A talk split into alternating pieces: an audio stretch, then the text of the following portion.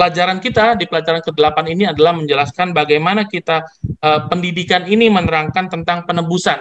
Artinya yang tadi di awal adalah pendidikan ini kita bukan hanya mendidik ataupun hikmat dari duniawi, tetapi hikmat daripada Tuhan. Artinya gini, ketika menjelaskan menurut gambar Allah di hari Minggu tadi, dijelaskan di satu ayat uh, kejadian 1 ayat 26 ini menjelaskan kembali mengapa Allah menciptakan manusia seperti rupanya adalah ketika manusia sudah jatuh ke dalam dosa, kita sudah kehilangan kehilangan rupa dari maksudnya rupa daripada Allah ataupun hubungan ataupun komunikasi yang baik dengan Allah. Oleh karena itu, kita harus melakukan pendidikan. Pendidikan di sini diartikan bahwa pendidikan tentang tentang Alkitab, tentang 2 Timotius 3 ayat 16 ini. Bagaimana kita mengembalikan kembali uh, rupa Allah, yaitu kita menerangkan kembali bagaimana penebusan itu. Karena ketika kita sudah ditebus adalah usaha daripada uh, Yesus untuk mengembalikan kita kepada Allah Bapa ataupun komunikasi yang baik kepada kepada Tuhan. Itu menurut saya dalam kalau saya membaca dalam pelajaran ke-8 ini. Mungkin dari Bapak Pendeta, silakan.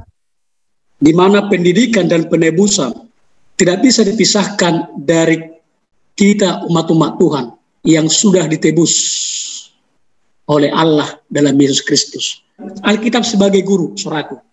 Kita perhatikan, soraku, bahwa Alkitab itu ada dua bagian. Perjanjian lama dan perjanjian baru. 39 perjanjian lama, 20 apa? Perjanjian baru ya. Di perjanjian lama ini ada namanya Pentatuk. Apa itu Pentatuk? Dari kata penta. Pen, dari situlah istilah Pentakosta. Penta. Penta itu lima. Kosta ke lima puluh. Pentakosta hari ke lima puluh. Hari kecurahan roh kudus. Ini penta. Lima. Teuk itu adalah mengarah mengatur kepada aturan kaidah-kaidah ya yang harus apa yang harus dilakukan oleh siapa bangsa Israel saudaraku ketika dari dari kejadian ya dari kejadian sampai sampai ulangan ya di mana ya mereka harus hidup sesuai dengan rencana Allah dan kita juga kemudian ada nabi-nabi pertama kenapa Tuhan mengirimkan ke dunia ini nabi-nabi. Tentu ada nabi pertama ya, ada nabi terakhir. Ada juga istilah nabi besar. Ada juga istilah nabi kecil. Dikatakan nabi besar, dikatakan nabi kecil bukan oleh karena postur tubuh mereka besar atau kecil, tetapi oleh karena pekabaran mereka sangat luas, sangat besar apa pengaruhnya kepada umat-umat umat Israel. Ya. Nah, nabi pertama yang Tuhan utus kepada bangsa Israel agar mereka boleh mempraktekkan prinsip-prinsip rohani. Kenapa saudaraku?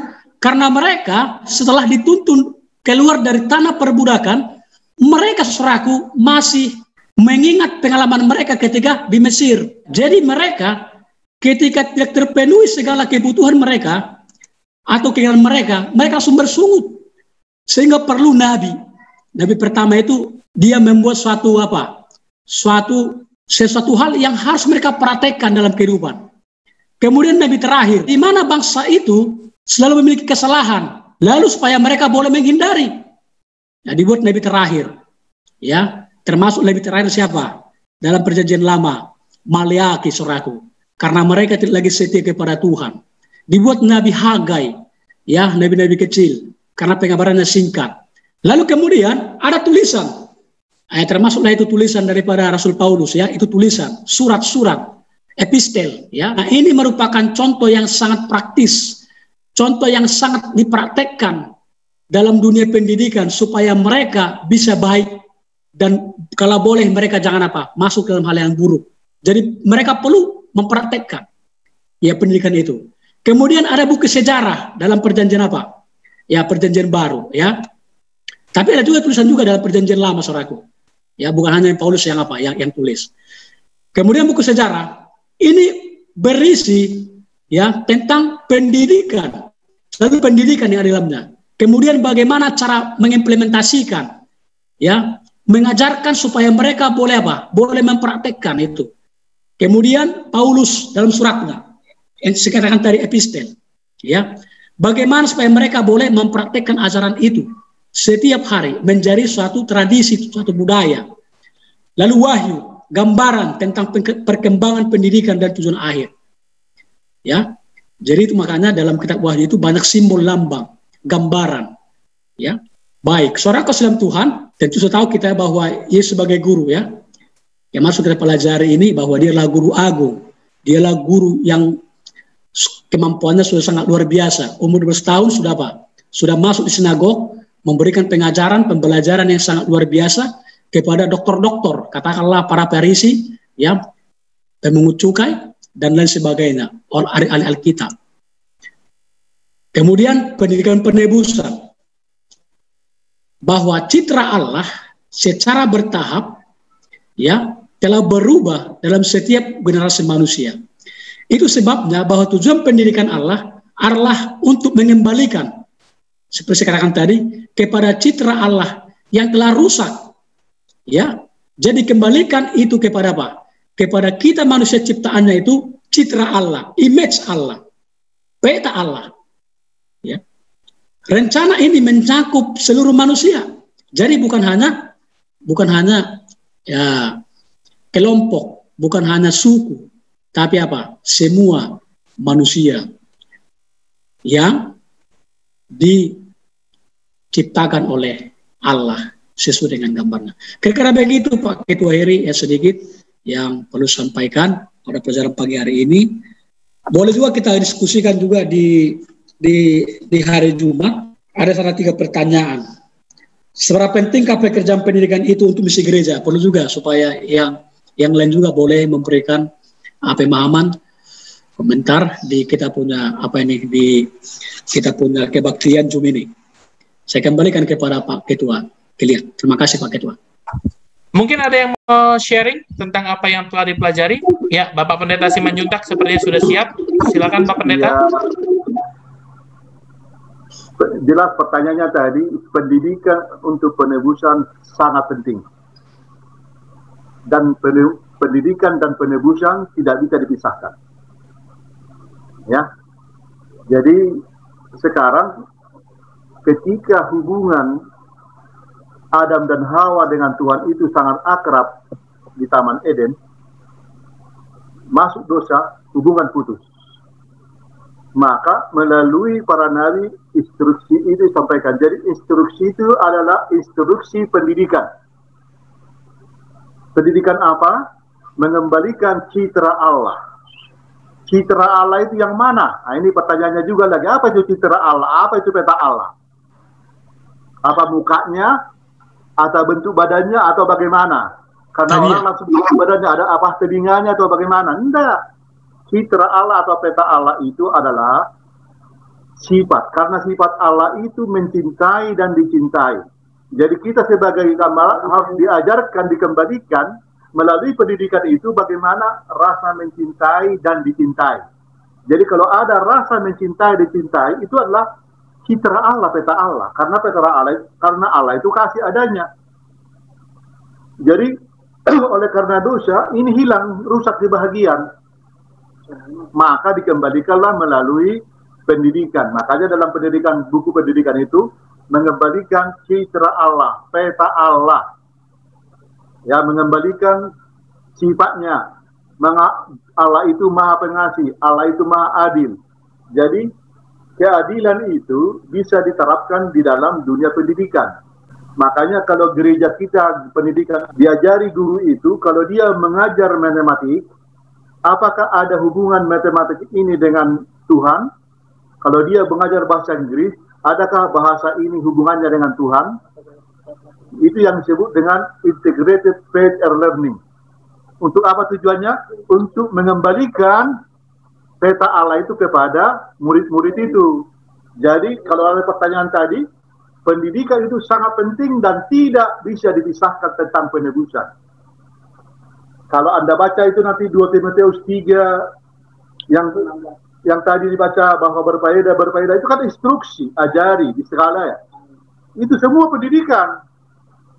Jadi kalau kita belajar, kita baca, lalu kita lakukan, maka terjadilah proses peneladanan, diteladani. Jadi kalau guru itu atau kalau sekarang di gereja bisa bisa guru pendeta, bisa guru orang tua, bisa guru pemerintah, bisa guru memang guru. Jadi semua kita berperan sebagai guru untuk memperagakan pola kehidupan. Makanya harus belajar kepada Yesus.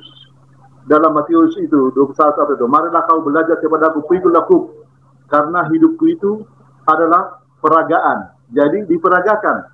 Jadi walaupun tinggi-tinggi ilmu seseorang, di mana pun pendidikannya, kalau dia tidak tahu tujuan pendidikan yang benar itu untuk mengembalikan citra Allah, gak ada artinya. Makanya sangat penting sekali pendidikan ini di sekolah, di rumah tangga, penunggu pagi. Makanya melalui orang tua, guru orang tua juga guru di rumah. Contoh, kalau guru datang ke kelas terlambat-terlambat. Jadi apa yang mau diajarkan? Nah, dia agak remeh, nggak bisa, nggak ada teladannya. Anggap remeh itu orang yang terlambat-terlambat. Makanya hati-hati yang terlambat-terlambat ke gereja. Ya, ya apa mau di mau di dia dia teladani? Harus dia hidupkan. Makanya baca, ketahui, laksanakan. Kalau itu laksanakan baru berbeda. Lalu oh begitu ya pendidikan itu ya.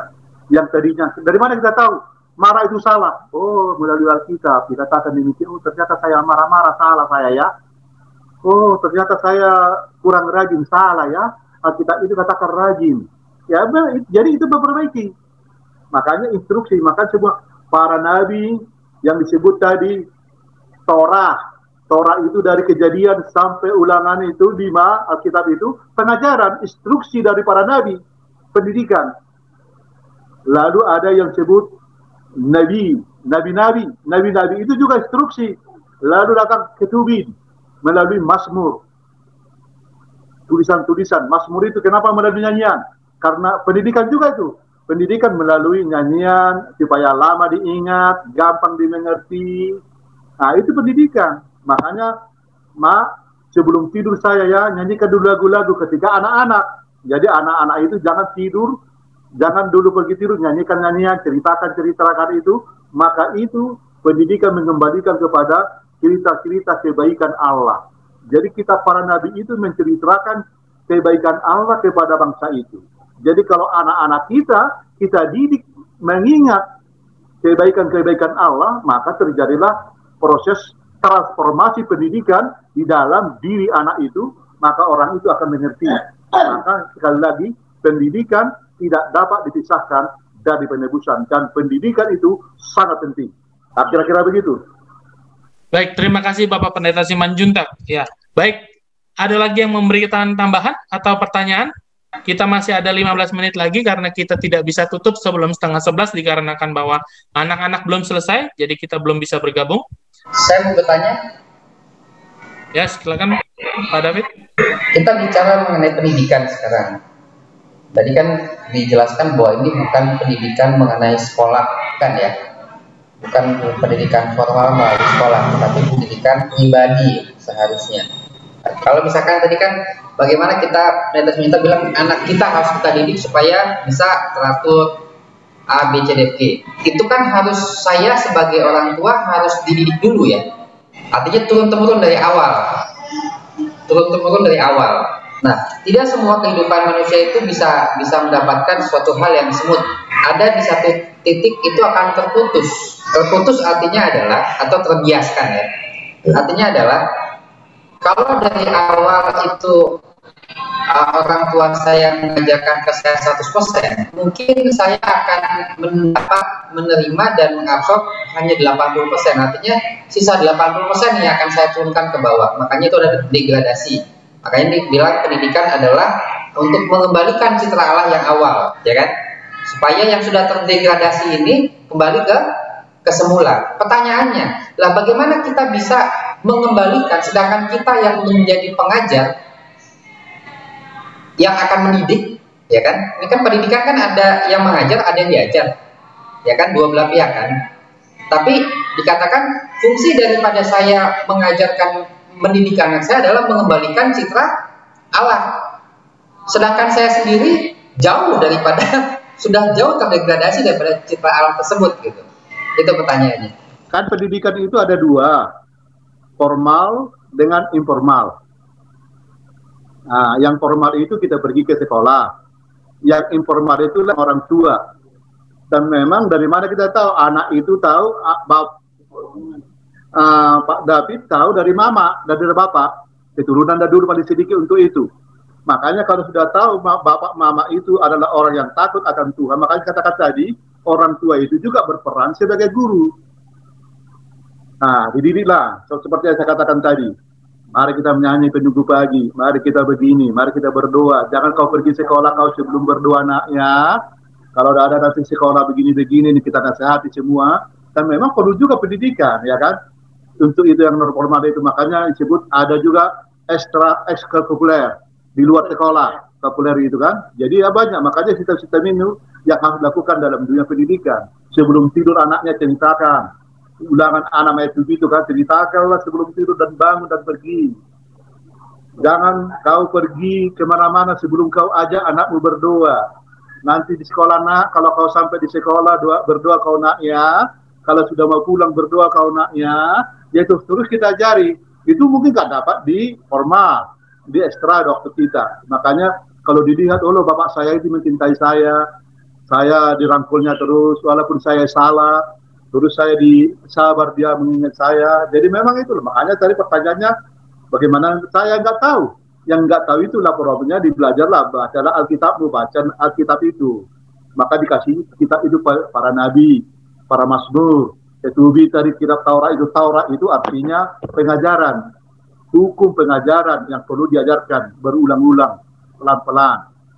Jadi memang seperti Bapak David bersyukur dapat pelajaran dari pendeta dulu almarhum dengan ibu yang terus mempertahankan. Tema makanya berada seperti ini. Jadi tanggung jawab ini harus dibebankan kembali kepada kedua putra ini. Supaya harus banyak waktu kita dengan mereka. Usia-usia 0 sampai 12 itu harus kita jangan jangan apa namanya itu? Jangan sia-siakan itu mental mereka itu terbentuk di nol di satu sampai apa? Nol lah taruh ya waktu di kandungan sampai ke 12 buktinya si si Musa hanya nol itu dia bisa bertahan di Mesir. Luar biasa. Faktor pendidikan bapaknya itu. Bayangkan itu ditinggalkan Mesir dengan dengan segala kemegahannya kemewahannya. Saya mau berhadapan dengan Tuhan. Itu dia itu luar biasa. Makanya anak-anak itu kalau diajarkan itu sendiri mungkin di rumah oleh ibu, oleh bapak, itu akan berpengaruh. Kadang-kadang itu nggak dapat di di formal education. Itu namanya informal kita. Jadi memang perlu kita dididik memang. Makanya ada pelajaran-pelajaran rumah tangga di organisasi, ada PP, ada semua. Kalau ini terus kita pelajari, kita ulang-ulang, maka terjadilah penciptaan itu. Makanya harus apa, pendidikan itu melalui pendidikan pen, apa teladan. Yesus datang ke dunia ini melalui teladan. Kira-kira begitu Pak David. Terima kasih Pendeta. Baik, terima kasih kepada Pak David dan juga Pendeta Simanjuntak. Masih ada lagi yang mau bertanya? Mungkin ada yang memberikan sharing bagaimana memberikan pendidikan di dalam rumah tangga kepada anak-anak khususnya tentang penebusan yang artinya menceritakan tentang Yesus, menceritakan tentang keselamatan pada waktu anak-anak itu masih kecil dan beranjak dewasa. Mungkin ada yang mau sharing? Ya, Bapak Barus ini sepertinya akan memberikan sharing. Oke. Okay. Dengar suara saya? Ya, dengar. Gini, bagaimana kita mendidik anak-anak kita kalau kita sendiri kurang terdidik?